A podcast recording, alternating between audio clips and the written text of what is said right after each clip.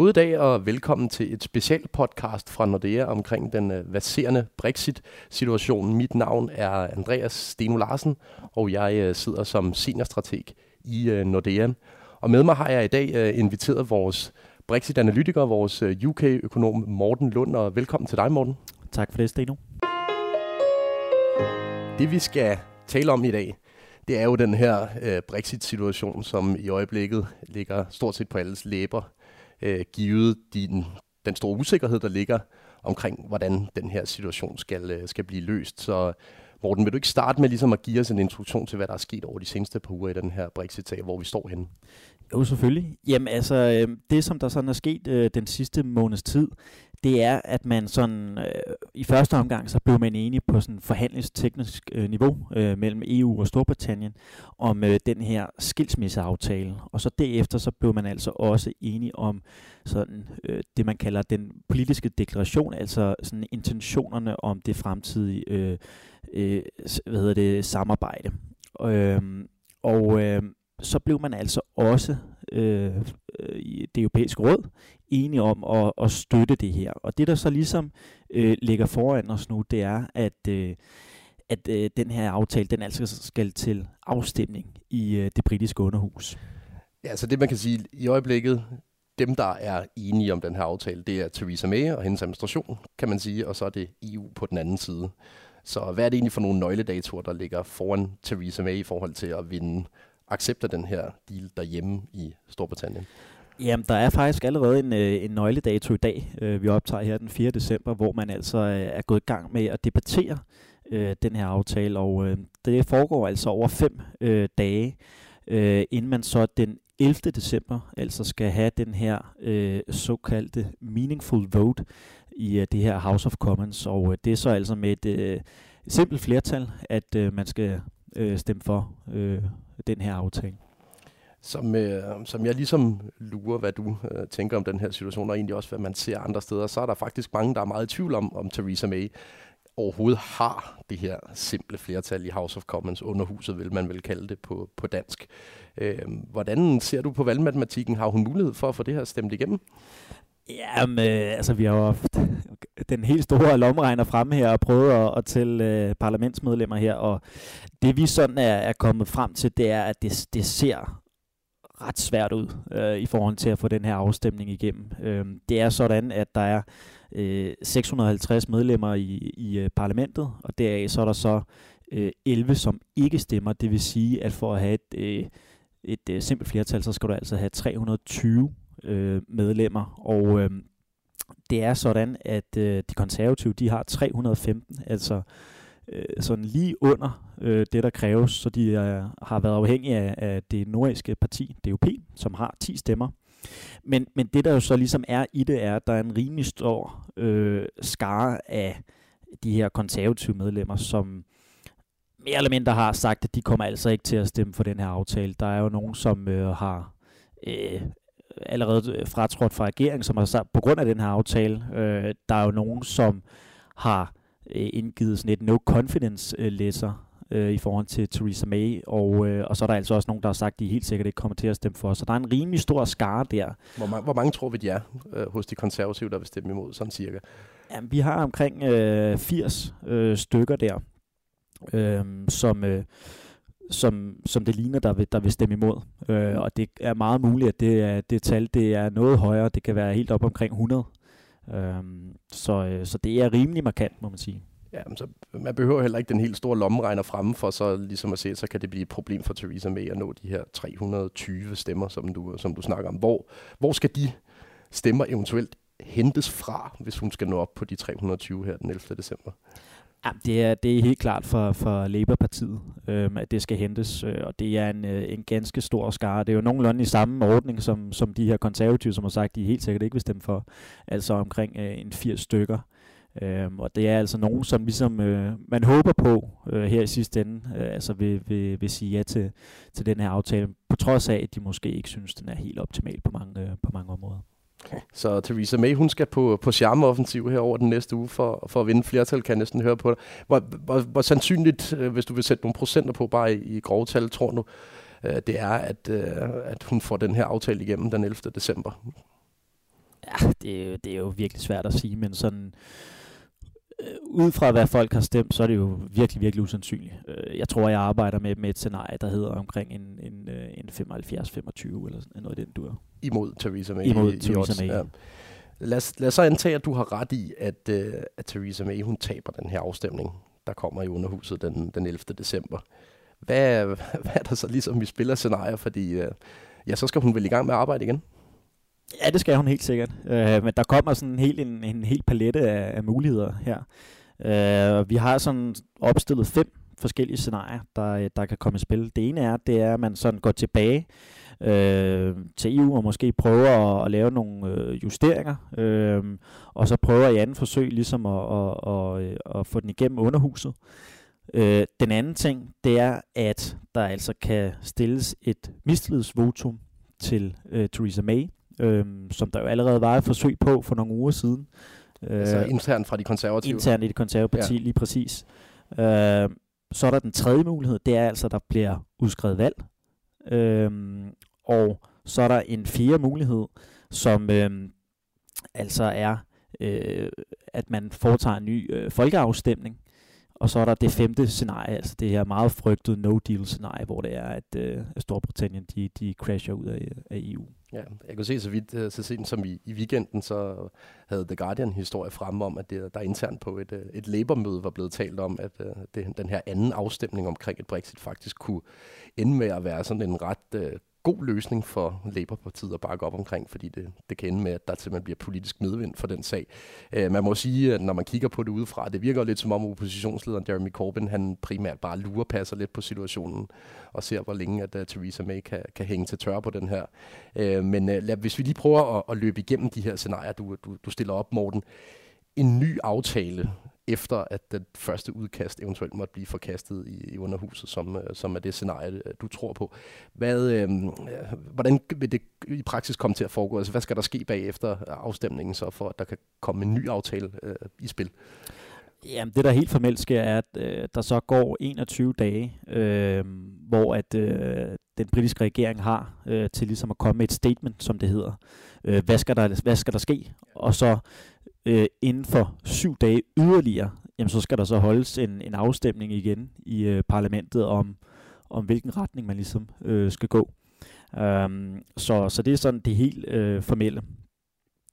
Um, og øh, det er jo sådan, men i forhold til det her med en ny aftale, er det jo sådan også lidt et spørgsmål om, øh, jamen altså, hvor, hvor mange ting kan man reelt ændre? Altså nu har man jo forsøgt i så lang tid på at, at, at finde øh, nogle kompromiser rundt omkring. Og kan man virkelig nå det på så kort tid med, med, den, med den deadline, der jo er den, øh, den 29. marts? Ja, spørgsmålet er jo, om EU slash Theresa May har øh, sådan et par S'er i ærmet, et par godbidder, man kan give ud til dem, som ikke har vel støtte aftalen i første, øh, første ombæring. Det er ligesom, at man, man bliver næsten nødt til at forestille sig, at der skal komme nogle indrømmelser af en eller anden art, før at, øh, at billedet ændrer sig. Men det, men det er stadig svært ved at sige, at, øh, at se sådan de helt, på de helt grundlæggende ting, grundlæggende ting, altså specielt her på, på grænseproblematikken med, med Irland. Men, men, men det, som jeg synes, der er vigtigt lige at huske på, det er, at hvis, hvis vi ender ud i, at man skal til at stemme øh, igen om, øh, om en sådan lidt justeret aftale i, i januar, så kan det altså være, at de her parlamentsmedlemmer, øh, de står med mere, sådan lidt mere binært valg. Altså vil I have den her aftale, som måske ikke er perfekt, eller vil I have et no deal, hvor det bare er øh, bål og brand. Øh, og der tror jeg altså på, at øh, i sidste ende, at øh, man kan sige, at øh, pragmatismen den, den vinder her. Ja, så kan man måske også øh, fra Labors side af sige, at så har man haft øh, Theresa May øh, længe nok hængende til tørre til, at hun øh, har tabt så meget ansigt på sagen, at det måske kan give mening også for Labour at, at støtte op om, øh, om, om den samlede aftale til sidst. Øh, tror du, det er Labour, der skal flytte sig, eller hvem flytter sig i sidste ende for, for at stemme en eventuelt anden aftale i hus? Ja, jeg tror stadig, det er primært er, Labour-folk, der skal, skal flytte sig. Øh, man skal også huske på, at at Labour jo øh, sådan overordnet set er rimelig pro-EU, øh, øh, og også at når man kigger sådan rundt i det britiske parlament, så er det jo, øh, er det jo kun en, en, en minoritet, som ønsker det her helt klare cut fra, fra EU. Så, øh, så jeg tror, at de fleste trods alt vil se, at øh, en aftale er bedre end, øh, end ingen aftale. Ja, så man må sige, der er, der er masser af scenarier i spil efter den 11. december, hvor at, øh, Theresa May øh, i, i vores optik formentlig taber den her første afstemning om, øh, om Brexit-aftalen. Lad os, øh, lad os antage, at vi tager fejl i det. Øh, Theresa May vinder overraskende øh, aftalen den 11. december. Øh, hvad, hvad skal vi forvente reaktioner, hvis det sker? Øh, hvis, hvis hun øh, taber, siger du? Nej, hvis, hvis hun øh, mod odds øh, Ej, ender med at vinde den 11. december. Ja, undskyld. Jamen, øh, så vil vi se, at pundet det bliver, øh, bliver styrket. Ja. Øhm, og øh, jeg tror også selvfølgelig, vi vil, vi vil se øh, aktiemarkederne være rigtig godt tilfreds med det her. Øh, renterne øh, øh, opad, så det, vil, så det vil jo være et, et risk-on øh, scenarie øh, vi vil se der, uden tvivl. Og hvad vil processen være, hvis hun ender med at vinde aftalen den 11. december? Hvor, øh, hvad der så tilbage af hurdles, kan man sige? Ja, det, det der sådan helt formelt sker, det er, at, at så skal man egentlig øh, i gang med at sådan udforme sådan helt øh, præcis det her lovforslag, som så faktisk skal øh, igen sådan sendes tilbage både i underhuset og overhuset. Øhm, og derefter så begynder sådan det, man kalder en ratificeringsproces. Øh, Øhm, og så derefter, så har vi altså, at, at aftalen så også lige skal forbi øh, EU-parlamentet, øh, godkendes der med et, øh, med et simpelt flertal.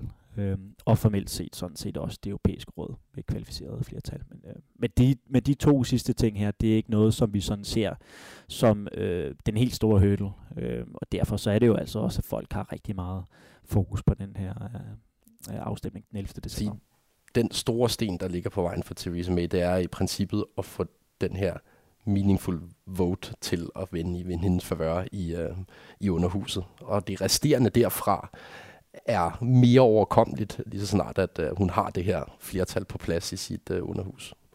Helt enig. Okay, uh, vi har mange scenarier at spille, Morten. Uh, hvis, hvis du skulle give dit, uh, dit bud på, hvor ender vi henne? Hvad, hvad bliver uh, ligesom vejen frem herfra? Uh, Jamen altså, jeg, jeg tror, at øh, hun kommer til at tabe øh, afstemningen den 11. december. Det, øh, det, det tyder alt på. Øh, og øh, derfra, så, øh, så er det jo selvfølgelig, der, det bliver virkelig, virkelig usikkert, hvad der, hvad der kommer til at ske. Men jeg tror stadigvæk i sidste ende, at vi ender ud med, med en form for aftale. Øh, igen fordi, at, at man simpelthen virkelig vil undgå det her øh, no-deal-scenarie, som, som virkelig vil være øh, skilsættende for især britisk øh, økonomi. Så, øh, så det er stadig mit, mit, øh, mit base case her. I forhold til markederne, så er det jo selvfølgelig også relevant, hvordan Bank of England stiller sig øh, som centralbank omkring hele den her usikkerhed, som, øh, som Brexit-spørgsmålet giver. Så hvis du ligesom skal give et resumé af, hvor står Bank of England i hele den her diskussion i øjeblikket, Ja, det er jo øh, et rigtig godt spørgsmål. Noget, vi, vi to også har diskuteret flere gange. Altså, øh, det, det, der øh, øh, kom ud i sidste uge, var, at Bank of England de kom ud med sådan en, en scenarieanalyse af, jamen, hvad betyder det for britisk økonomi, hvis vi ender ud i for eksempel et no-deal-scenarie. Og øh, hvad vil man så i så fald gøre med renten, øh, baseret på hvad der også vil ske med, øh, med BNP, med med pundet og med inflationen og så videre. Og øh, det var nogle lidt, øh, tror jeg godt, jeg kan, kan tillade mig at sige, nogle lidt nogle dommedagsscenarier, der bliver blevet stillet op her. Øhm, altså man, man tror, at no deal, det kan nå ud med et, et fald i BNP på 8%. Øh, til sammenligning så, så faldt øh, BNP med 6% under finanskrisen, så, så det vil være rimelig voldsomt. Øh, og man tror altså også, at pundet øh, sådan i, i virkelig worst case scenarie kan svækkes helt op til 25 procent, og det må vi sige, det er altså ganske voldsomme øh, bevægelser, som, som de sådan har indregnet her. Ja, og man må sige, det er jo de scenarieanalyser, vi har lavet på, på pundudviklingen øh, i forbindelse med et, et no-deal-scenarie, så er 25 procent absolut i den høje ende af, hvad vi, hvad vi tror, pundet kan komme til at bevæge sig på, på, på sådan en situation her. Øh, jeg synes også, det er, er relevant at, øh, i den sammenhæng at pege på, hvor pundkursen handler i dag, til trods for, at der egentlig implicit i markedsprisen ligger en relativt høj sandsynlighed for, at det ender med et no-deal-scenarie. Pundet er, øh, handler i øjeblikket omkring 8 kroner og, og 30-35 øre i, i dansk regning. Øh, da det stod værst for, så har vi været nede øh, i 8 kroner og 20.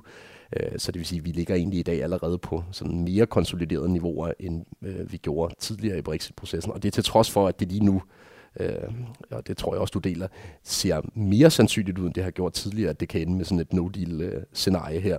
Så øh, jeg, jeg vil nok også hælde til at dele din konklusion, at det øh, de, de maler fanden endnu mere på væggen, end, end, end hvad rimeligt er formentlig Bank of England. Ja, og det jo har også sådan, man kan sige, været lidt et, et, et, et emne øh, til debat her, om de rent faktisk skal ind og være lidt politiske. Øh, der har været stor kritik fra, fra, fra nogle af de her hardcore øh, Brexiteers. Mark Carney er ypperste præsten for Projekt Frygt, har jeg hørt uh, Jacob Rees-Mogg sige ham. Uh, den, ja, en ja. anden rangs uh, kanadier, tror jeg også, han var, han var ja, inde at sige, ja. så uh, der blev ikke uh, sparet på, på, uh, på ordene der.